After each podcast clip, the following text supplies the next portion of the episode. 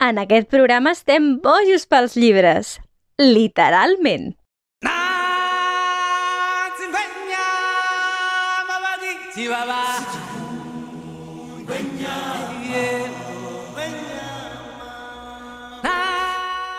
Benvinguts i ben tornats a una temporada més de Literalment. Una temporada amb moltes sorpreses que anireu veient durant la temporada.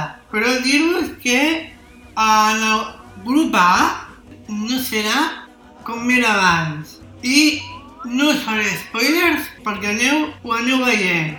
M moltes gràcies per, per seguir-nos a, a Literalment i una temporada més. Moltes gràcies.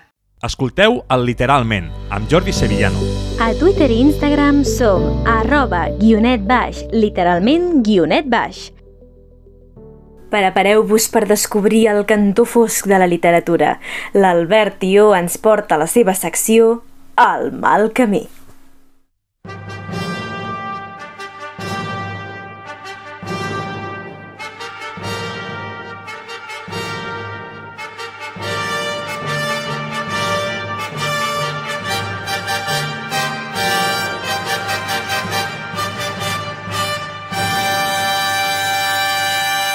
Lectors del món, benvinguts al mal camí. Soc l'Albert Tió, el vostre locutor, i m'acompanya la Xènia. Bon dia, Xènia. Bon dia, Albert.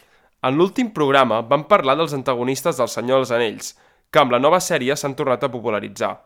Però saps quina és la- l'altra gran sèrie del moment, no? La Casa del Drac, sisplau, digue'm que aquesta sí que l'has vist. Home, aquesta sí, aquesta sí.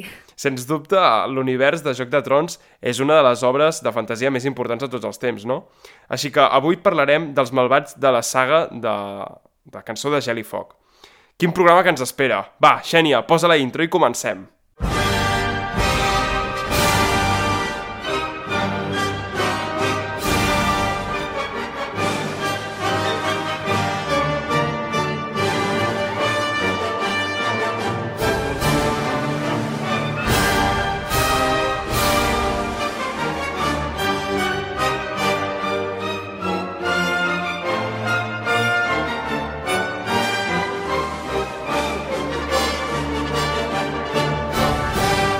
M'estaria tot el dia escoltant aquesta intro, de veritat. Té tanta força que imagino un jove Robert Baratheon caminant cap al tron de ferro per coronar-se rei després de destronar els Targaryen. Però no fem cap spoiler si afirmem que el seu casament amb la Cersei Lannister li dona més d'un mal de cap. Avui parlarem d'ella, és clar, la gran reina malvada, però també d'alguns familiars seus que potser us sonin d'alguna cosa. Però bé, abans que res, la Cersei Lannister, uh, reina, personalitat ESTJ, obsessionada amb el poder i en protegir els seus fills, al preu que sigui. Va, anem a avaluar-la. Um, Xènia, um, de l'1 al 10, quant de poder creus que té la Cersei Lannister?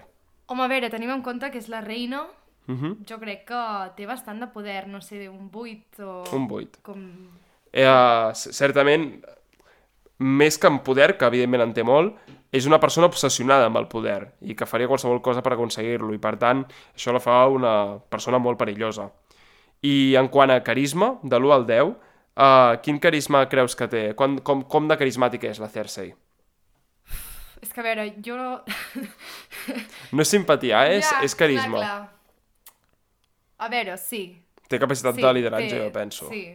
Um, un 7, també, o Un set. vuit. Som-hi. Abans hem posat un 8, no sé. Posem un 7. I intel·ligència, de l'1 al 10, um, certament la Cersei Lannister és una persona astuta, um, però jo no considero que estigui entre els personatges més intel·ligents de Joc de Trons. Crec que, jo crec que el, el problema de la Cersei és que es pensa que és massa intel·ligent i això sovint és com que se li gira una mica en contra, Mhm. Li va en contra. saps? Per tant... Posem un 6. Sí, va. I ara el que segur que tens moltes ganes d'avaluar, la simpatia, de l'1 al 10. Com de simpàtica et cau la Cersei Lannister? És que fatal, eh? Fatal. Vull dir, jo li posaria un, un 1, però per... Un u. perquè... Mira, per no posar-li un 0. Jo, jo li posaria... Li, et matiso la nota potser una mica més alta. Un 3 o així. Perquè, I et justificaré això. Perquè al final és una mare, també. I és veritat que quan parla dels seus... Vull dir, pateix molt i sí que aconsegueixen, jo crec, empatitzar, per exemple, a un 1, que seria un valor típic que li havien posat en Sauron, de simpatia, que és un personatge que no diu cap frase i que no ens genera res, Clar, la clar, Cersei, és veritat, veiem la seva perspectiva. Per tant, li posem un 3, et sembla més just? Sí, sí, un 3. Perfecte, t'he convençut, eh? Molt bé. Um, si parlem de la Cersei, hem de parlar de Lord Tywin, el seu pare, mà del rei, guardià de l'oest, l'home més ric dels set regnes, i responsable del saqueig de Port Reial durant la Guerra de l'Usurpador i d'un estar als Noces Roges. Com valorem en Tywin, Xènia, de, quan a poder? Jo crec que en Tywin és probablement la persona més poderosa dels, dels set regnes, no? Sí. Bueno. Jo estaria d'acord que- amb... Fins i tot sense ser rei, Exacte, o sigui, és com... No és rei, però tot i així tothom li té por i tothom... sí, sí. I en quant a, i- a recursos que és capaç de Clar, mobilitzar, clar, clar. sí, sí. Sens dubte jo li posaria un 10. Sí. O, en el món de Joc de Trons potser li falta la màgia, no? Però això no li treu que sigui una persona d'un gran poder. I en quant a carisma, de l'1 al 10, Home, jo crec que és bastant carismàtic, també, uh -huh. en Tywin. és NTJ. Sí, com la Cersei. No, la ECS era ESTJ. Ah. En Tywin formaria part dels intuitius, més que els sensorials, com, com la Cersei. Um, jo li posaria també una bona nota. Qu- Quina nota li hem posat a carisma, doncs? Um, O li... a la Cersei li hem posat un 7. I en en Tywin, més alta, potser? Sí, un, un- un 8? vuit. Un 8. I d'intel·ligència, l'1 al 10? És molt astut. És molt astut, és molt i molt intel·ligent. Un 9... Jo li, jo li posaré 9 i diré que 10 no perquè fins i tot així, fins i tot en Tywin perd algunes batalles, no? Mm. Per tant, això, un 9. I finalment, de simpatia de l'1 al 10, torna a ser el punt on... Sí, torna a ser el punt on gaire simpatia no et desperta aquest personatge. Uh -huh.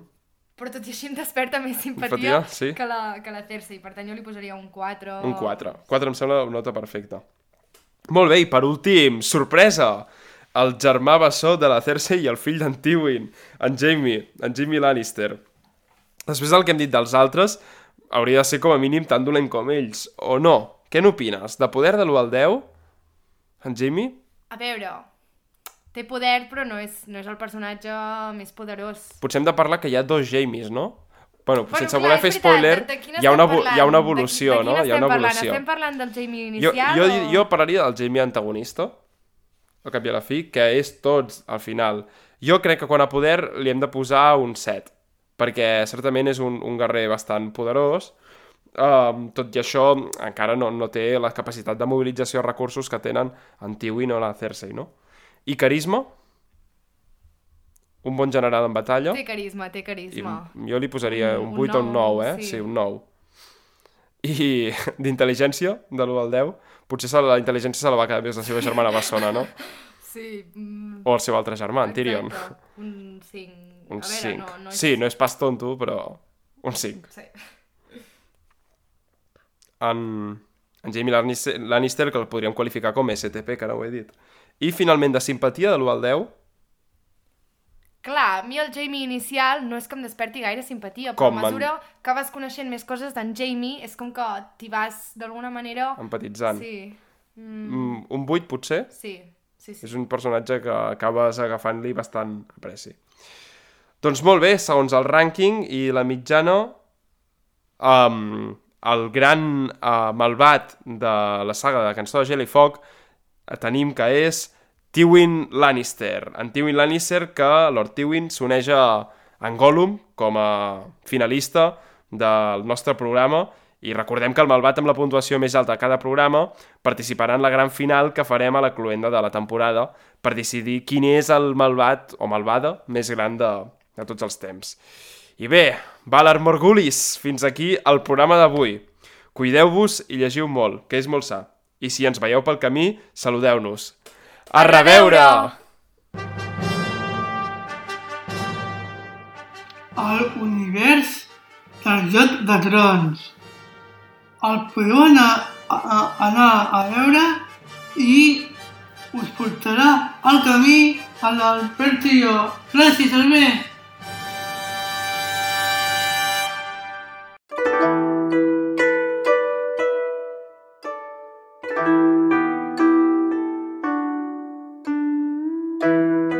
Prepareu la maleta perquè a continuació viatgem a la Catalunya japonesa del Juan.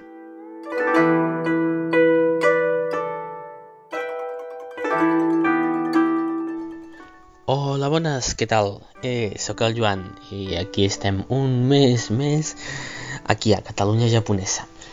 Doncs avui toca contar-vos un nou autor i en aquest cas doncs, us vinc a parlar d'un autor doncs, molt popular, dels que més potser, i us vinc a parlar de Kenji Miyazawa. Eh, us, eh, us explicaré una miqueta la, la seva vida i també una miqueta algun dels llibres que va fer. En aquest cas us recomano sobretot el, el llibre El tren nocturno de la Via Làctea, una novel·la molt important eh, al Japó i també un clàssic reconegut a, arreu del món. Doncs bé, eh, comentar-vos que bueno, Kenji Miyazawa, que va tenir una vida molt, molt curta, va néixer el, el 1896, va morir el, el 1933, és un escritor molt conegut per les seves obres de ficció, tant per a nens com, com per a adults va destacar sobretot en la poesia, sobretot poemes budistes. Eh, va ser, i més, continua sent una de les majors inspiracions culturals per al Japó. El 2011, per exemple, doncs, la cadena de televisió popular NHK, tras el, el terratrèmol i posterior tsunami que va passar al, al mes de març, va emitir un dels seus poemes, Amenimo Maketsu, que vol dir que no te derrote la lluvia, per animar la, a la població. Eh, comentar també que doncs, l'obra de Kenji Miyazawa està, està lligada a la, a la naturalesa sobretot i en com aquesta doncs, interactua amb la humanitat i, i, i, i, el, i a la inversa també. Potser perquè va néixer doncs, dos mesos després de que un terratrèmol i un tsunami van destruir doncs, més de 9.000 hogars i van causar més de 22.000 morts. La seva família va, va sortir endavant, però aviat va tenir la sensació d'incomoditat, ja que la seva família doncs, tenia massa i hi havia massa gent que tenia molt poc. Allò i, i la dura vida que, dels agricultors que van fer, li van afectar al Kenji i això va fer també doncs, que estudiés agricultura a la universitat. Es va graduar també al, al, 1980, al 1921, perdó, i es va anar a viure a Tòquio on va començar a escriure històries per a nens i després doncs, no va trigar gaire eh, al tornar al seu, al seu poble natal per a cuidar de la seva germana que estava, que estava malalta. Doncs fins al 1926 va treballar com a professor d'agricultura a l'Institut Hanamaki i, i va ser llavors quan va publicar el, el seu primer llibre de contes que es titulava eh, Chumon no Oi Rioreten, espero haver-lo pronunciat bé, que bueno, vol dir un restaurant amb, molts, eh, amb, molts, amb moltes comandes. A partir de llavors, doncs sí, ja va dedicar la seva vida doncs, al, al prògim i, i a l'escriptura i a l'agricultura també. Per exemple, una història que, que podem veure és la, la vida de, de Budori Ngusco, el, el déu del vent, que és una història doncs, esperançadora i ecologista que retrata doncs, l'estirà i arronsa del propi autor amb la naturalesa a la seva faceta agrícola.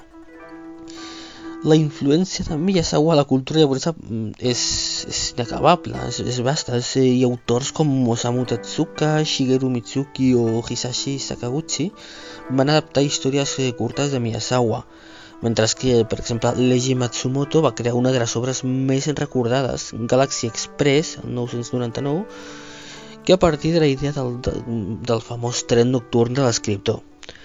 En quant a l'anime, la seva obra també va tenir un gran impacte, no només a les adaptacions de, del tren nocturno de la Via Làctea i la vida de Budori Gusco, sinó com una influència també directa de, de l'estil i temes del mític estudi Ghibli, que també es van inspirar, la veritat. I bueno, també clau destacar, perquè també conegueu doncs, que Miyazawa era una persona profundament religiosa i la seva visió del món era d'un ton, un to universal i del qual doncs, formava part. Era la, la seva visió del, del budisme. Aquesta religiositat doncs, va, ser, va ser la que li va portar a ser un home altruista, amable i amb una convicció ferra de que els, el, els seus ideals doncs, eren ajudar als altres i l'escriptura doncs, eh, va formar part d'aquesta aquest, faceta seva. El seu principal motiu doncs, era redactar històries per fer feliç als altres. I les seves històries doncs, sempre doncs, estan repletes de gent, de plantes, animals, naturalesa, ja sigui bé, núvols, llum, estrelles, una miqueta de tot, i doncs, tot cobra una vitalitat coherent. Tot està com en comunió amb, el, amb la resta, saps? I sentia doncs passió pel món agrícola. Les seves passejades pel camp estudiava les roques, els arbres, petits animals... Li sorgien doncs idees, sentiments espontanis que després doncs, plasmava els poemes o els relats que feia. I aquesta passió pel, pel pròxim, doncs, i per tot això, per tot l'ésser viu, va ser doncs, el que més va, va calar si fons a la seva obra i va deixar una petjada increïble en posteriors eh, escriptors que es van inspirar en ell. I bueno, Miyazawa doncs eh, va morir, el, va morir bastant aviat als 37 anys a causa d'una pulmonia, la veritat. Bueno, espero, imagino que potser el coneixíeu, però espero que us hagi agradat conèixer una miqueta més aquest escriptor i sobretot llegiu alguna de les seves obres perquè són molt, molt inspiradores. I bueno, res, eh, espero que us hagi agradat i ja ens queda poquet d'aquest any 2022. Eh, pel proper programa us portaré alguna coseta nadalenca i res, espero que us hagi agradat molt. A reveure, adeu...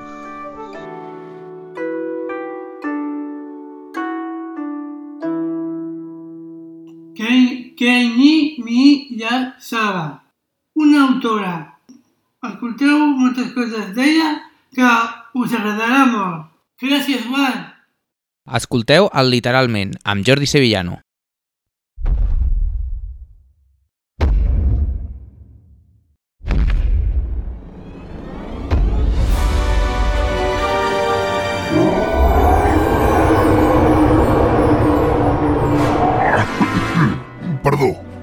Meu nom és Lectosaure i m'agradaria parlar-vos de literatura infantil i juvenil. Benvinguts a les ressenyes d'en Lectosaure. Avui us vull parlar d'una petita novel·la de la Judith Kerr, La foca del senyor Cleckhorn. Per si algú no la coneix encara, la Judith Kerr és l'autora i il·lustradora d'obres com Sota les bombes o De quan Hitler va robar el conill rosa, totes dues publicades per l'altra tribu. Avui, però, no farem esment de la Segona Guerra Mundial, que tant va marcar l'autora, sinó que visitarem una història senzilla i tendra publicada per Editorial Meraki. La foca del senyor Cleckhorn ens explica la història d'un botiguer ja retirat que adopta una petita cria de foca quan aquesta queda òrfana per culpa d'uns pescadors. El senyor Cleckhorn aconsegueix portar la foca al zoo perquè la cuidin, però un cop allà no li agraden les condicions i decideix portar-la cap a casa seva. Què passarà quan el porter, que no permet tenir animals a casa, descobreixi a la foca dins l'edifici? Aconseguirà el senyor Cleckhorn trobar-li una nova llar? Haureu de llegir el llibre per saber-ho. Bé, fins aquí la meva secció d'avui. Ens veiem... Vull dir, ens sentim a la propera ressenya del Lectosaure aquí. O literalment. La foca és un animal molt gran. Moltes gràcies, Lectosaure. Seguim amb el reportatge de la Misha.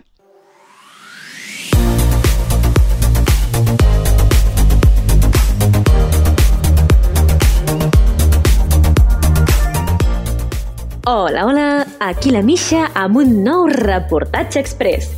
Com que al novembre es celebra el Dia de les Llibreries, he decidit conversar amb un parell de llibreteres perquè m'expliquin una de les coses que consideren més màgiques de treballar en una llibreria i també perquè em recomanin un títol on les llibreries hi siguin les protagonistes. Jo, per exemple, us recomano La llibreria ambulant de Christopher Morley, que publica Viena Edicions. Roger Mifflin, un llibreter ambulant que no desitja altra cosa que tornar al seu Brooklyn natal per escriure les memòries, aconsegueix traspassar el seu dubtós negoci sobre rodes, incloent-hi el cavall i el gos, a la desesperada senyoreta McGill, que està més que tipa de la seva monòtona vida com a grangera. I aquest irracional cop de cap de la senyoreta McGill és el punt de partida d'un seguit de peripècies que ella mai no s'hauria atrevit ni a imaginar, i encara menys en companyia d'en Biflin. En efecte, viuran un viatge ple d'emocions i amb una mica de tot. Intriga, suspens, humor, amor... Què més es pot demanar? La llibreria ambulant reivindica la importància de tenir temps per reflexionar i gaudir de la natura i ens demostra que, encara que cadascú tingui gustos literaris diferents, l'amor pels llibres ens agermana d'una forma única. Crec que estarà d'acord amb mi la nostra primera convidada. Benvinguda, Pilar! Hola, sóc Pilar Maurell, coordinadora d'activitats d'Ona Pau Claris. Per mi, el més màgic de les llibreries és que hi coneixes nous companys de viatge i en retrobes d'antics que ja no recordaves. Em refereixo als personatges dels llibres que et van acompanyar durant un temps i amb qui potser algun dia voldràs tornar a passar una tarda. I també nous personatges que encara no coneixem i que estan allà, esperant que ens decidim a descobrir-los. Us recomano la novel·la Les nostres riqueses de l'escriptora algeriana Kauter Adimi, publicada per Periscopi i traduïda del francès per Anna Casasses. Ens parla d'una petita llibreria al centre del G que s'ha de convertir en una botiga de bunyols. Des del present, l'autora ens recorda la història d'aquesta llibreria que Edmond Charlotte va obrir l'any 1936 amb la intenció de convertir-se en un espai cultural i literari en un país aleshores convuls. A través de la història de la llibreria coneixem la història del G i dels personatges que, com Camus, van decidir convertir aquest espai, aquesta llibreria, en un far on aturar-se.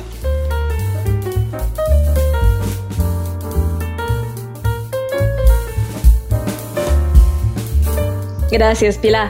I ara és el moment de saludar a la Marta Gil, llibretera de El Gat Pelut, la llibreria especialitzada en literatura infantil i juvenil del barri de les Corts, a Barcelona. Què és el més màgic de treballar en una llibreria?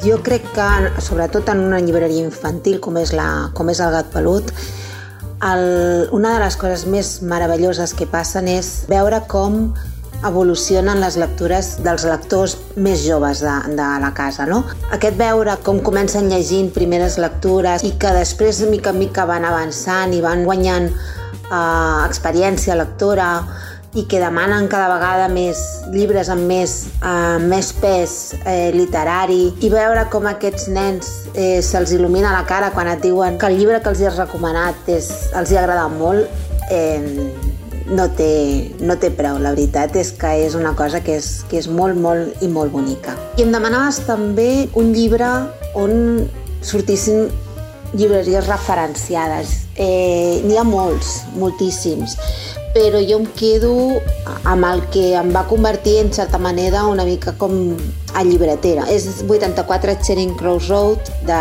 Helen Hunt i segur que l'heu llegit però us explicaré res, simplement que és a la correspondència entre, entre la Helen Hunt, que és l'autora d'aquest llibre, i, i en Frank Dur, que és, un, que és el treball, un treballador d'una llibreria de vell, al qual estableix una relació de, de client a llibreter que és, que és fantàstica, que comença simplement amb, amb, amb la petició d'un llibre, amb comandes de llibres, però que acaba sent una, una relació personal no només entre la Helen i el, i el llibreter, sinó entre tots els treballadors de la, de, la, de la llibreria. A més a més, és un llibre que, que s'ha adaptat a televisió, al teatre, a, al cinema.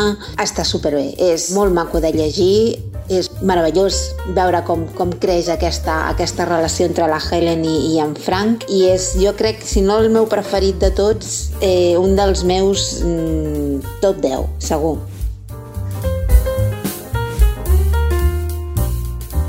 Moltíssimes gràcies a les dues.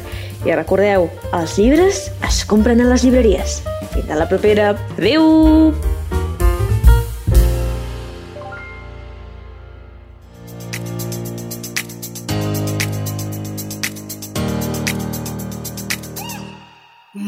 Llibreries és un lloc molt important. perquè va de, com, va de comprar llibres. Pots llegir i de literatura sempre n'hi ha. Gràcies, Missa!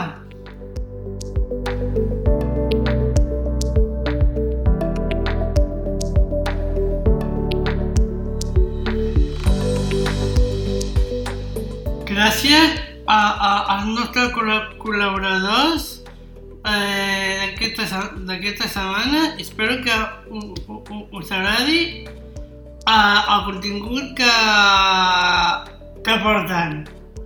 Eh, fins a la pròxima. Gràcies.